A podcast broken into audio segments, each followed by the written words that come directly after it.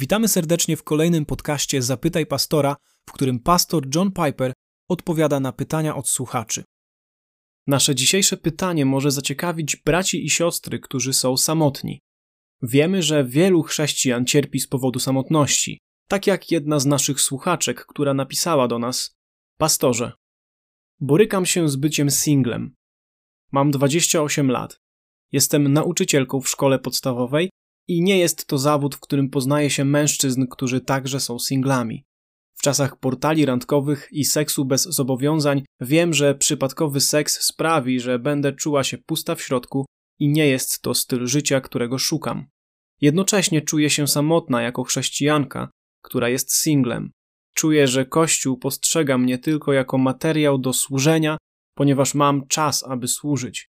Oprócz kwestii braku mężczyzn w kościele, jestem także ekstrawertykiem. Staram się żyć w pełni, jakby moje bycie singlem mnie nie definiowało. Wszyscy mi mówią, że jestem atrakcyjna, towarzyska i że dużo się dookoła mnie dzieje. Właśnie wszyscy poza chrześcijańskimi mężczyznami, co trudno jest nie odebrać osobiście. W jaki sposób mam mieć nadzieję w czymś, co nie jest pewne? Małżeńskie życie nie jest mi przecież nigdzie obiecane. W jaki sposób mam trzymać się prawdy, żyjąc w świecie, który mami mnie poczuciem satysfakcji, jaką przynosi seks bez zobowiązań? W jaki sposób mam nie zwrócić się do świata, kiedy czuję, że Kościół, chrześcijańscy mężczyźni, a nawet sam Bóg wydają się nie znajdować dla mnie miejsca? Jest tutaj tak wiele rzeczy, o których moglibyśmy porozmawiać. To, co jest zrozumiałe ze sposobu, w jaki słuchaczka zadaje swoje pytanie, i mówię to na podstawie tego, co słyszę w jej sposobie zadawania pytania, to, co jest zrozumiałe, to to, że w pewnym stopniu ona zna sedno prawidłowych odpowiedzi na swoje własne pytania. Ona pyta odnośnie przyszłego męża. W jaki sposób mam mieć nadzieję w czymś, co nie jest pewne? I odpowiada: Małżeńskie życie nie jest mi obiecane. Innymi słowy, ona wie, że my nie pokładamy nadziei w rzeczach, które nie są pewne. Nie pokładamy nadziei w tym, co nie jest nam obiecane. Jeżeli tak zrobimy, to będziemy zdruzgotani. My pokładamy nadzieję w rzeczach, które są pewne, a nie niepewne. Rzeczach, które Bóg obiecał, a nie w rzeczach, których być może słusznie pragniemy, ale które nie zostały nam obiecane i które może otrzymamy, a może nie. Pokładamy nadzieję w tym, co jest pewne, co Bóg absolutnie obiecał, a On czuwa nad swoim słowem, by je wypełnić. Nasza słuchaczka o tym wie, więc ona pyta: W jaki sposób mam nie zwrócić się do świata, kiedy czuję, że Kościół, chrześcijańscy mężczyźni, a nawet sam Bóg wydają się nie znajdować dla mnie miejsca? Świat okłamuje mnie poczuciem satysfakcji, jaki daje seks bez zobowiązań.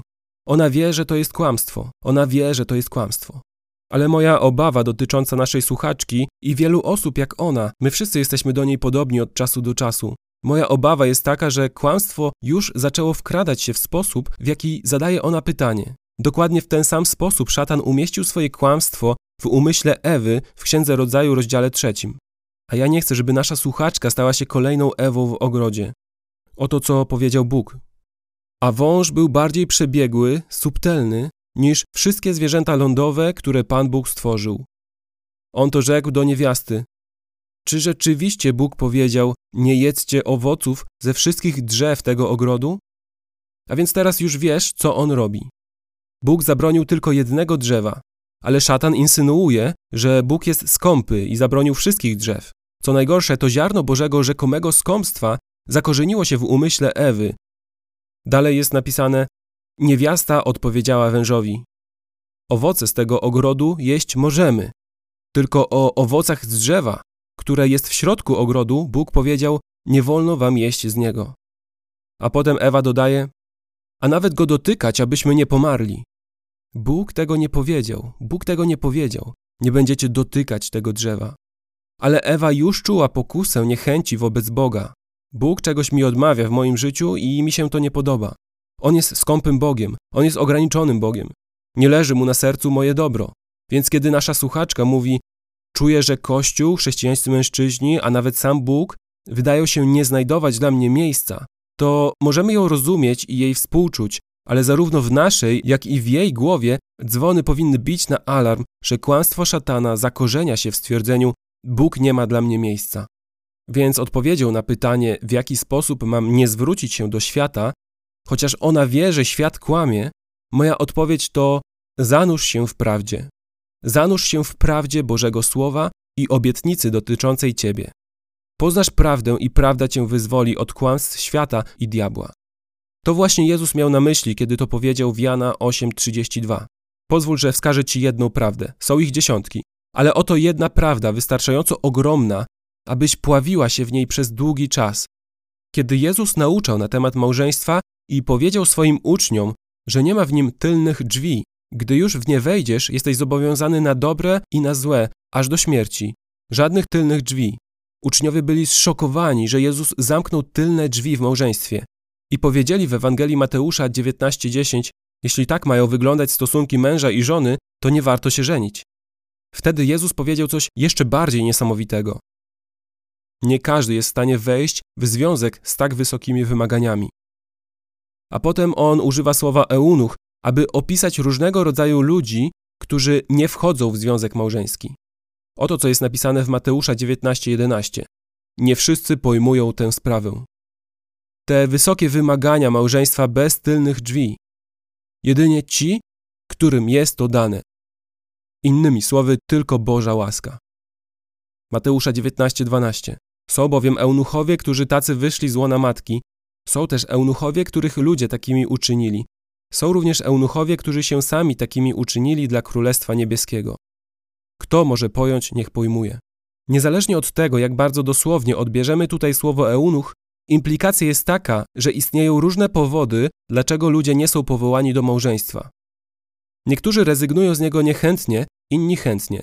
Co Biblia ma do powiedzenia na temat Bożej łaski wobec nich? Co z ich szczęściem i błogosławieństwem? Przepiękną odpowiedź, którą daje Bóg, można znaleźć w Izajasza 56. Opisuje on dwa rodzaje ludzi, którzy czują się wyraźnie lub szczególnie wykluczeni. Obcokrajowca, cudzoziemca, który nie należy do Izraela i eunucha, który czuje się bezużyteczny i jakby nie było dla niego przyszłości, ponieważ nie ma on rodziny. Oto co mówi Bóg. Księga Izajasza 56 od trzeciego wersetu. Niech nie powie cudzoziemiec, który garnie się do wiekuistego, mówiąc Pewnie wiekuisty odłączy mnie od swojego narodu. I niech nie powie eunuch, oto ja, uschłe drzewo. Bo tak mówi wiekuisty o eunuchach, którzy przestrzegają moich szabatów. Wybierają to, co mi się podoba i trzymają się mojego przymierza. Ustanowię im w moim domu i w moich murach udział i imię lepsze niż ustanowione przez synów ludzkich. Ustanowię im wieczne imię, które nie będzie zatarte. A teraz zatrzymaj się na sekundę i pozwól, żeby to do ciebie dotarło. Czy w to wierzysz? To jest główne pytanie. Bóg mówi, że dał ci udział i imię, które będzie trwało i będzie bardziej satysfakcjonujące niż imię jakiegokolwiek męża, imiona dzieci i otaczająca cię rodzina. I dalej mówi: Ustanowię im wieczne imię, które nie będzie zatarte. Czy myślisz, że Twoje imię, czy Twoja tożsamość nie będą uwiecznione, ponieważ nie będzie dzieci noszących Twoje imię, nikogo z Twoim DNA? Jest coś lepszego, mówi Bóg. Bóg ma dla Ciebie coś lepszego, wieczne imię. Więc Ty pytasz, w jaki sposób mam odwrócić się od świata? Sposób, aby odwrócić się od świata ze wszystkimi jego kłamstwami, to przestać skupiać się na świecie i jego zwodniczych obrazach przyjemności, ale zamiast tego skupić się na nieskończenie lepszych Bożych obietnicach. A to jest jedna z setek tych obietnic. Nie wiem, czy Bóg ma dla ciebie małżeństwo w przyszłości. Może ma. Nigdy nie wiadomo. Ale wiem to. Ustanowi tobie w swoim domu, w swoich murach udział i imię lepsze niż ustanowione przez synów ludzkich. Ustanowi ci wieczne imię, które nie będzie zatarte. I nie przeocz tego, co martwi ciebie najbardziej, a mianowicie, że Bóg nie ma dla ciebie miejsca jest napisane: Ustanowię im w moim domu. On chce ciebie tam, on naprawdę tam ciebie chce. Bycie pożądaną przez Boga jest lepsze niż bycie pożądaną przez tysiąc mężczyzn.